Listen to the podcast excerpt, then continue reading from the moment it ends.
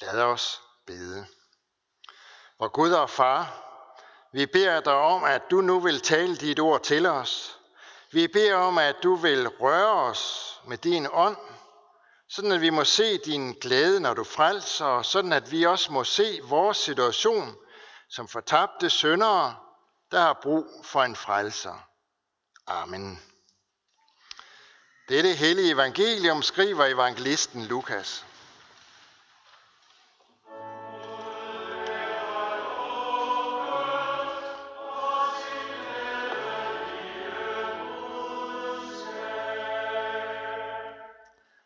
Alle tollere og syndere holdt sig nær til Jesus for at høre ham, og farisæerne og de skriftkloge gav ondt af sig og sagde, den mand tager imod syndere og spiser sammen med dem. Men han fortalte dem denne lignelse.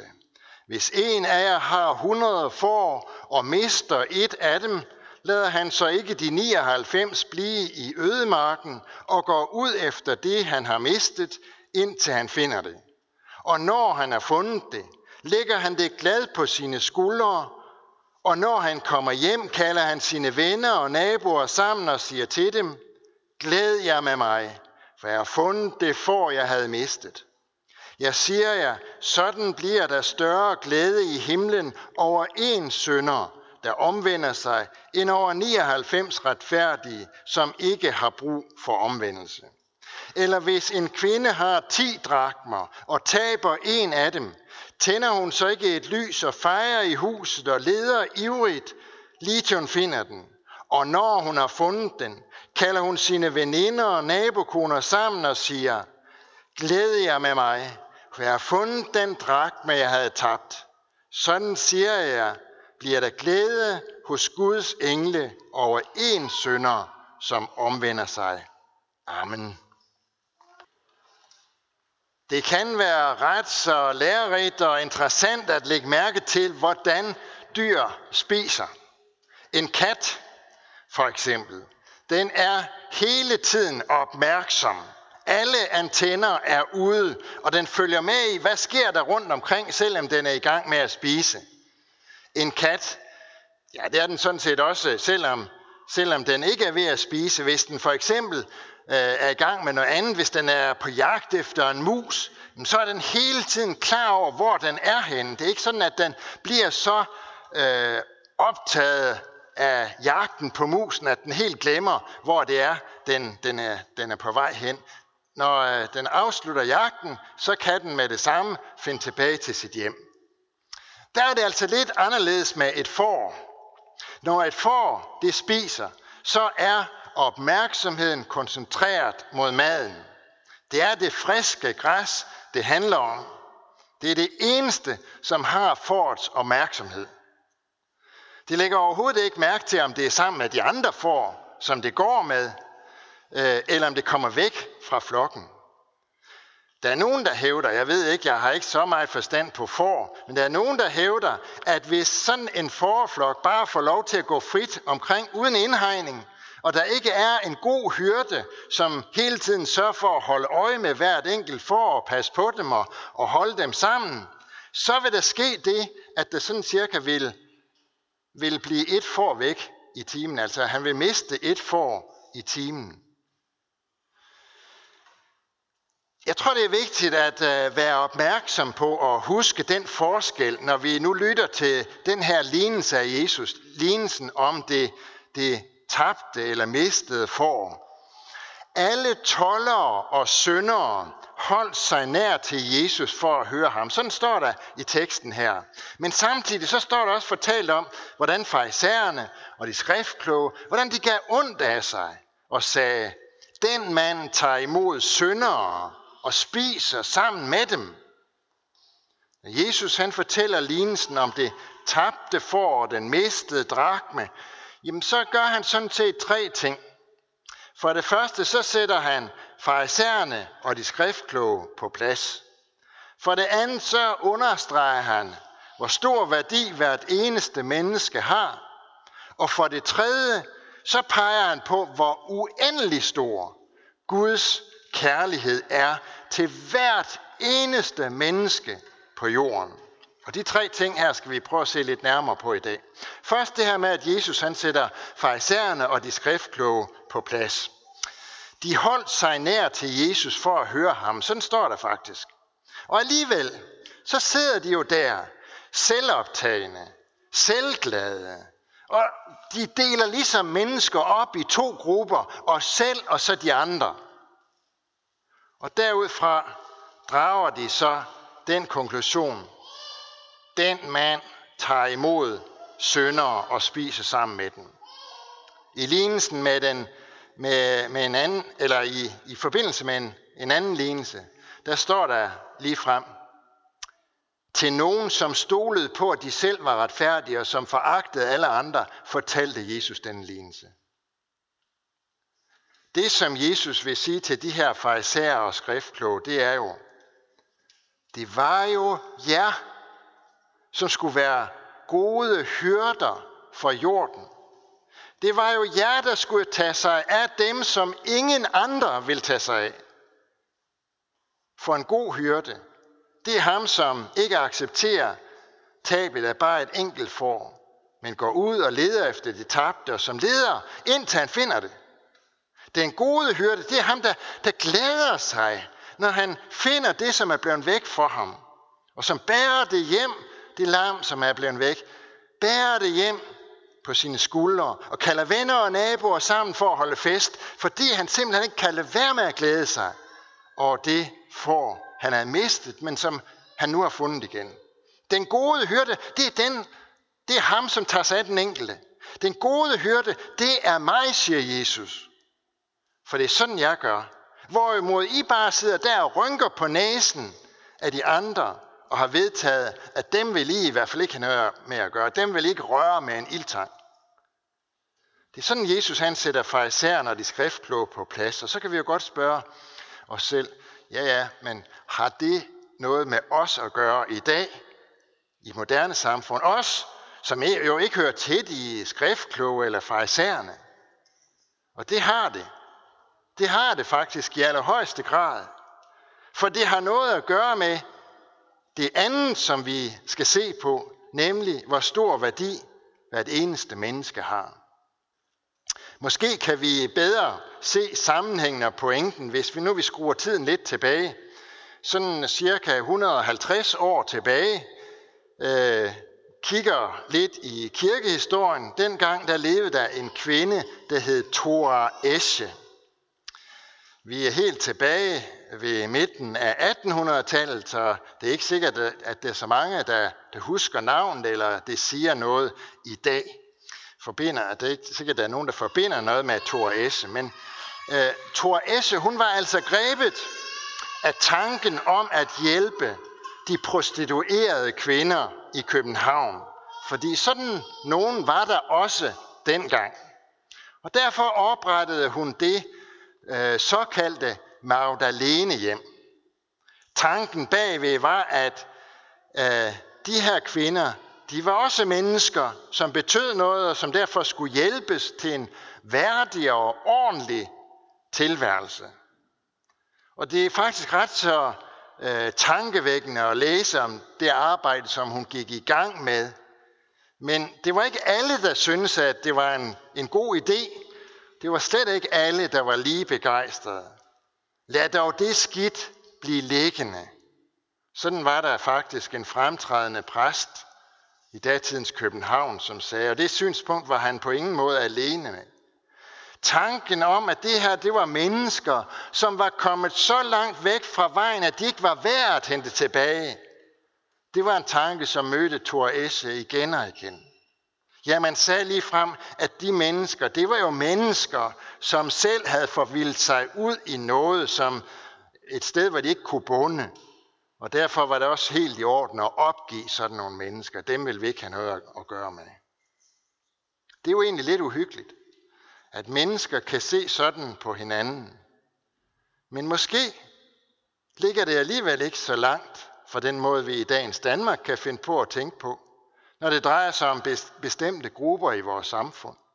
Narkomaner, alkoholikere, mennesker, som er ramt af AIDS, eller som sidder nede i fængslet. Har det ikke selv været ude om det? Ligger de ikke bare, som de har ret? Er der nogen grund til at bruge en masse krudt og kræfter og tid og penge på at få dem ud af deres misbrug, som de på den ene eller anden måde er havnet i? Lad dog det skidt blive liggende. Sådan sagde man altså i 1800-tallet. Er det også sådan, vi ser i dag? Der er en ting i, i Jesu lignelse, som faktisk er ganske interessant og værd at lægge mærke til, men som måske ikke bare lige sådan øh, springer os i øjnene, når vi hører den. Jesus han taler om en hyrde, der mister et af sine får. På samme måde er det med kvinden med de ti drakmer. Hun taber en af dem, siger Jesus. Og så giver hun selv lede efter den.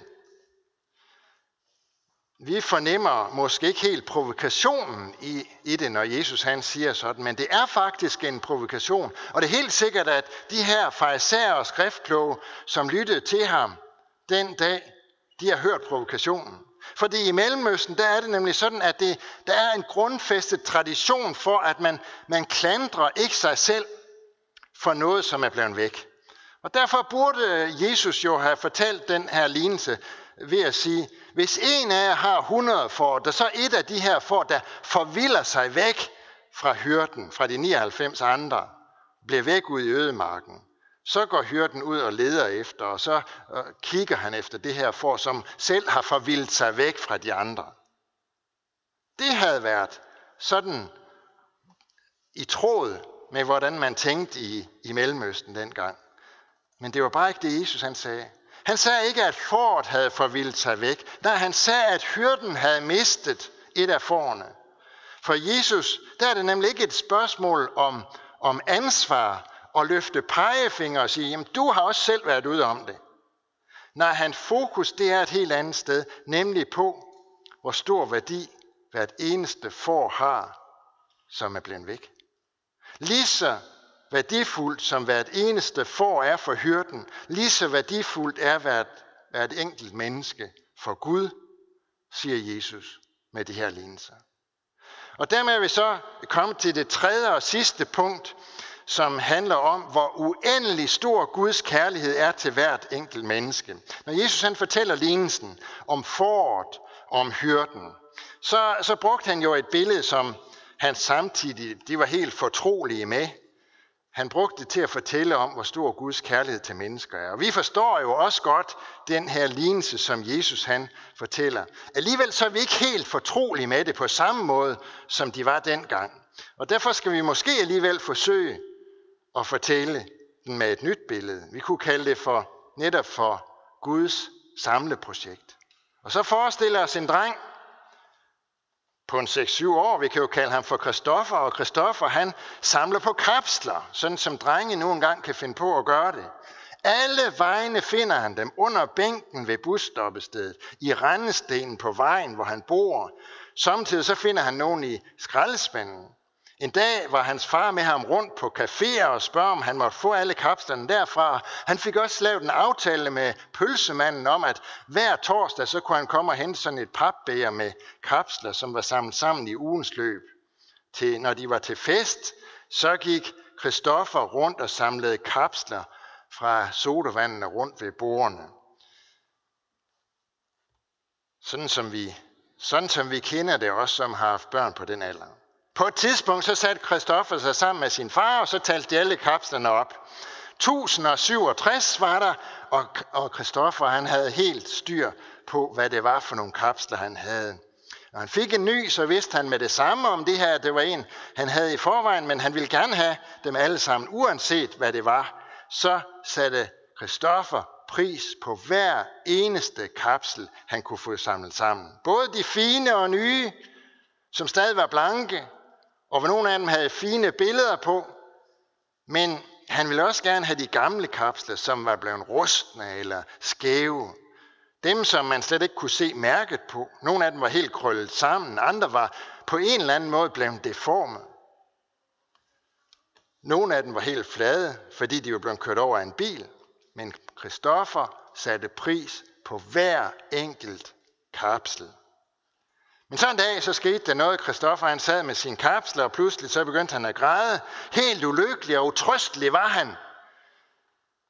der var en kapsel, der var blevet væk. En af de 1067, og selvfølgelig kom faren ind, han prøvede at fortælle ham, kan man høre nu lille ven, du har jo 1066, men det ved vi jo godt, det hjælper jo ikke noget i sådan en situation. Der var en, der var væk.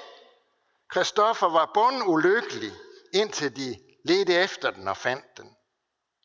Måske var det sådan, Jesus ville have fortalt den her lignelse, hvis han skulle fortælle den til os i dag i 2021. Fordi Gud samler, ligesom Kristoffer han samlede på kapsler.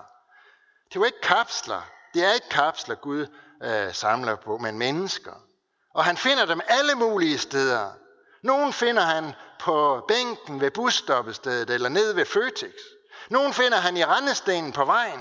Nogen finder han måske hen på markedspladsen eller på en café, eller til fester. Men uanset hvor han finder den, så bliver han glad over det. Nogle er nye og fine, så de nærmest stråler. Nogle er på en eller anden måde blevet skæve. Nogle er blevet kørt over eller helt flade på en eller anden måde. Nogle er blevet rustne og gamle. Nogle er helt krøllet sammen. Men uanset hvordan de ser ud, og hvilken tilstand de er i, så bliver Gud glad for hver eneste, han finder. Det er jo det, Jesus han siger, at der bliver stor glæde hos Guds engle over bare én synder, som omvender sig. Det gør der, fordi Guds kærlighed til hvert eneste menneske på jorden er så stor, at han ikke har råd til, han har simpelthen ikke råd til, at der bare er én eneste, der bliver væk for ham. Derfor har Gud sendt sin enborn og elskede søn til jorden for at opsøge og frelse det fortabte. Det er fantastisk at være menneske. For så er man genstand for Guds ubegribelige kærlighed.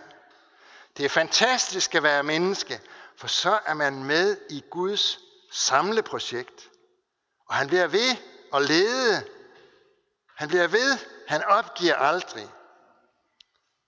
Han opgiver aldrig at opsøge og frelse det fortabte. Og det er os. Det er det, Jesus fortæller os og vil have os til at forstå.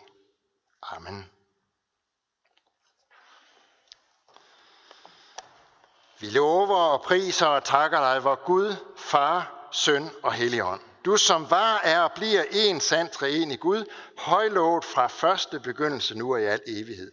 Vi takker dig for dit ord, for din kirke på jorden. Vi beder for din menighed her ved Herning Kirke. Lad ordet bære frugt og bevare os i troen på dig og forny os i håbet om dit komme. Vi takker dig, fordi øh, du samler og kalder, søger og ønsker at frelse. Vi beder for alle, der har et ansvar inden for vores kirke, for menighedsråd, provst og biskop, led dem og os alle, så vi handler i troskab mod dit ord og vores kirkes bekendelse. Vi beder og kalder den, du der tro tjenere og forkynder dit ord. Vi beder for alle, der går med dit ord, både her hjemme og i det fremmede. Styrk du dem, hold din hånd over dem og lad deres gerning bære frugt. Vi beder for børnene, som døbes, at de må blive oplært i den kristne tro. I dag beder vi for Kuber, at han må vokse i tro på dig. Kald vores børn og unge ind på troens vej og beskærm dem mod alle ødelæggende kræfter. Vi beder for alt sandt folkeligt og kirkeligt arbejde. Vi beder for det kirkelige børnearbejde. Udrust du lederne, velsign du det. Vi beder for vores hjem og vores kære, velsign både ægte folk og enlige til at leve efter din vilje og gode ordning. Vi beder for alle, der er sat til at styre vort land, for vores dronning og hele hendes hus, for regering og folketing, for alle, der er betroet et ansvar i stat, region og kommune. Led dem, så de forvalter deres ansvar ret. Og vær nær hos de danske soldater, som er udsendt, og alle, som gør tjeneste for fred og retfærdighed i verden. Hjælp og styrk dem i deres gerning, og vær nær hos deres kære, som må bære bekymringens byrde. Vi takker dig for livet, og vi beder dig lære os at værne om det, fra de ufødte børn til de gamle og døende. Vær nær hos dem, der har mistet en af deres kære, og vi takker for alt, hvad du har givet os gennem de mennesker, som vi selv har mistet. Vi beder også om, at du vil være nær os alle, som er ensomme, hvad med de syge, de som er i fængsel, de som ikke har noget sted at være. Lær os at kende vort ansvar for dem, der lider nød. Alle disse bønder overgiver vi til dig, Herre, og så takker vi dig, fordi vi ved, at du allerede har hørt vores bøn. Amen.